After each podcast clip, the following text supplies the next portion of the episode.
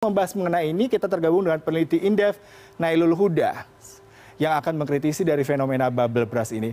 Selamat pagi Mas Huda. Terima kasih sudah bergabung bersama kami. Pagi, Mas Huda. Ya. Mas Huda, kalau kita bicara mengenai fenomena bubble brush ini, apa yang bisa Anda kritisi? Apakah memang pertumbuhannya terlalu dominan? Karena dari Kemenkominfo saya mendapatkan informasi ada 5.562 startup di Indonesia. Iya, Mas. Kalau kita melihat memang pertumbuhan startup ini sangat cepat sekali, Mas Yuda ya. Ini bisa dibilang bahwa tahun kemarin aja itu menurut Kominfo itu ada 2.346. Jadi kalau sekarang ada 5.000 berarti kenaikannya uh, dua kali lipat gitu kan ya. Nah uh, ini menunjukkan apa? Menunjukkan pertumbuhan uh, startup ini terakselerasi dengan cepat gitu, apalagi dengan adanya ini ya adanya pandemi itu mengakselerasi pertumbuhan dari uh, startup digital gitu kan. Nah uh, namun sayangnya Eh, pertumbuhan dari startup digital yang sangat terakselerasi itu tidak diimbangi dengan uh, pendanaan yang cukup mas uh, Yuda gitu. Hmm. Nah makanya uh, bisa kita bilang bahwa ya terjadilah uh, bubble burst ini gitu. Yeah, mas, potensi potensi bubble hmm, ya. Mas sudah kalau kita bicara mengenai pendanaan, banyak sekali startup yang dalam tanda kutip membakar uang ya untuk memberikan diskon, memberikan paket-paket penawaran yang cukup kompetitif terhadap para konsumen sehingga terkesan mereka mencari keuntungan tidak terlalu cepat. Tetapi di satu sisi mereka juga harus memikirkan bagaimana mengembalikan uh, investasi dari para investor. Apakah ini juga menjadi salah satu kendala yang mengakibatkan bubble burst ke depannya, Mas? Iya, uh, tidak. Kalau kita lihat data dari Dealroom ya, itu menyebutkan kalau di tahun 2020 dan 2021 itu terjadi peningkatan pendanaan yang sangat-sangat signifikan Mas Yuda. Kalau kita lihat di tahun 2019 itu pendanaan cuma 1,8 billion USD. Tapi di tahun 2020 menjadi 3,5 billion USD, tahun 2021 menjadi 10,1 billion USD. Artinya dua tahun ini sepertinya memang tahun eh, pendanaan startup ini besar dan mereka digunakan untuk eh, bakar uang dan sebagainya gitu. Nah, masalahnya adalah ketika mereka bakar uang, apakah sustain gitu kan? Tanpa pendanaan. Nah, di tahun 2022 sampai hari ini, itu pendanaan cuma 1,8 billion USD.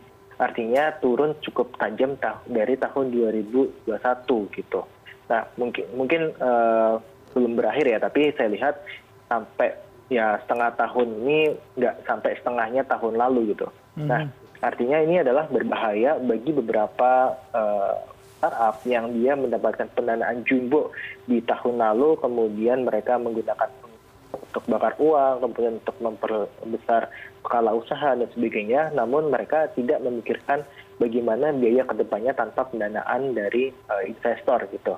Nah ini yang dialami salah satu oleh salah satu startup di pendidikan tadi yang disebutkan oleh uh, Mas Ida gitu bahwa mereka meng-hire besar-besaran kemudian membuka layanan uh, secara besar-besaran juga namun tidak mendapatkan pendanaan kembali di tahun ini ya. Hmm kita harus melakukan efisiensi, Mas Yuda. Iya, Mas Huda kalau ini disebutkan di sini beberapa hal yang mengakibatkan adanya bubble burst ini salah satu misalkan perilaku pasar yang tidak rasional, kemudian juga bersikap spekulatif atau bersifat spekulatif. Bagaimana Anda melihat hal ini, Mas? Iya, uh, semacam gini, Mas Yuda. Kalau kita lihat berpaku rasional itu di investor ya. Ketika investor ini melihat valuasi dari beberapa startup yang dinilai memang terlalu terlampau tinggi gitu.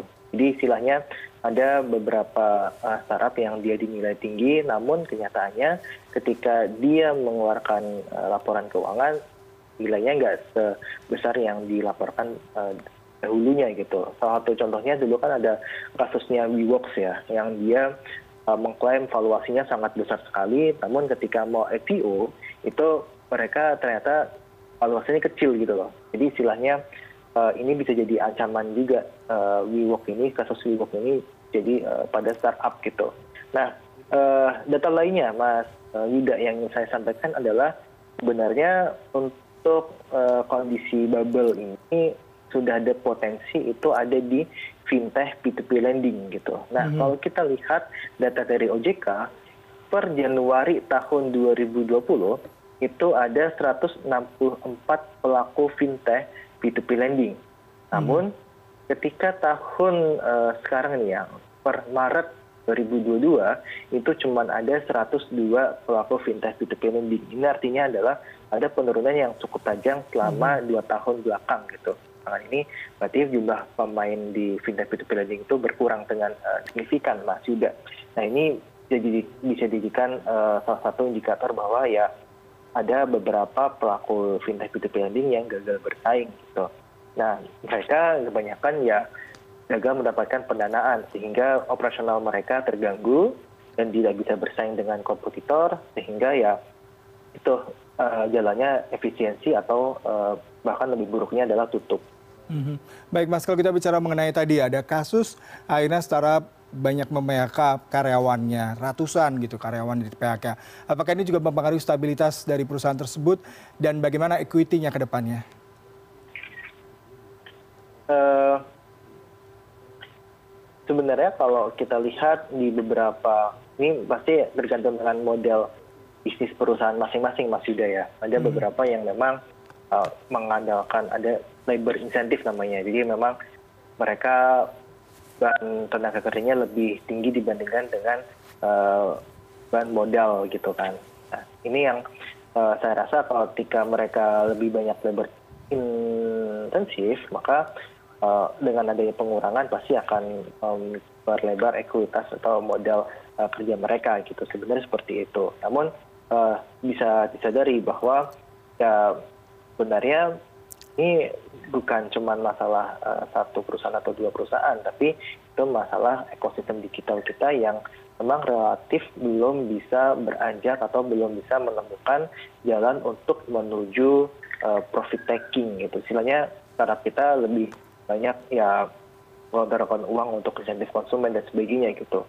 Belum menuju ke arah uh, profit taking ini yang berbahaya sebenarnya Mas uh, Yuda ketika uh, perusahaan dia sebenarnya membakar uang, namun tidak ada roadmap bagaimana caranya mereka uh, bisa keluar dari uh, strategi bakar uang ini sehingga mendapatkan uh, pendapatan gitu. Nah, hmm. pendapatan ini bisa digunakan untuk uh, operasional gitu. Nah, uh, salah satu sedikit cerita Mas juga itu ada sebuah startup yang dia sebelum mendapatkan pendanaan dia bisa survive dan dia bisa bertahan gitu dan bisa mendapatkan keuntungan bahkan.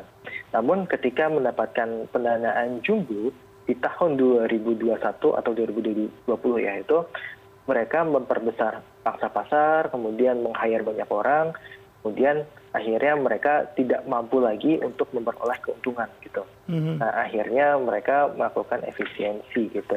Jadi uh, pola pola bisnis ya, pola bisnis yang akan menentukan uh, mereka bisa bertahan atau enggak tanpa pendanaan. Ya, Mas, selalu terakhir ini strategi apa? Kalau tadi Anda sedikit banyak sudah memberikan insight bahwasanya tadi uh, bagaimana pola perusahaan tersebut, kemudian juga pemodalan dan juga profit taking sendiri masih dalam tahapan untuk mencapai ke arah sana. Secara singkat, apa yang harus dilakukan oleh perusahaan startup Indonesia yang sekarang menjamur ini, Mas? Ya, uh, yang pertama pasti perusahaan startup Indonesia itu saya rasa harus bisa keluar dari jebakan bootstrapping. Bootstrapping itu adalah uh, tahap awal di mana memang modal awal yang modal pribadi gitu. Nah, biasanya di 20 cuman 25 persen 25 persen dari startup digital di Indonesia yang itu bisa keluar dari uh, jebakan bootstrapping gitu. Nah, setelah dari keluar dari jebakan bootstrapping itu adalah uh, preset gitu. Nah, preset inilah yang saya rasa krusial banget. Uh, kemudian kalau kita melihat kit sekali yang uh, dia masuk ke preset ya, ini yang yang saya rasa uh, itu harus harus bisa di, di ini di istilahnya dipikirkan oleh startup kita di Indonesia bagaimana caranya keluar dari jebakan uh, bootstrapping Baik. itu. Nah, kalau kita melihat itu salah satu caranya adalah yang tadi saya sebutkan membuat roadmap uh, bagaimana nantinya uh, boleh bakar uang, namun bakar uang sampai kapan dan kemudian apakah bakar uang itu efektif atau enggak gitu. Nah, jangan-jangan bakar uang yang selama ini dilakukan itu enggak efektif gitu. Nah, mm -hmm. kalau nggak efektif ngapain uh, kita terus bakar uang gitu kan nah ini yang saya rasa itu harus uh, jadi perhatian lebih dari uh, pemilik startup digital di Indonesia bagaimana caranya mereka bisa keluar uh, dari jebakan uh, bootstrap kemudian bisa mendapatkan uh, pen, positif income ya positif income uh, tanpa tanpa harus harus melalui pendanaan dari investor gitu. Nggak apa-apa hanya investor tapi uh, mereka juga harus bisa uh, membuat simulasi kalau nggak ada investor mereka apakah bisa bertahan atau enggak gitu ini yang jarang dilakukan oleh startup uh, digital di mas. lokal kita Ya, terima kasih Mas Nailul Huda.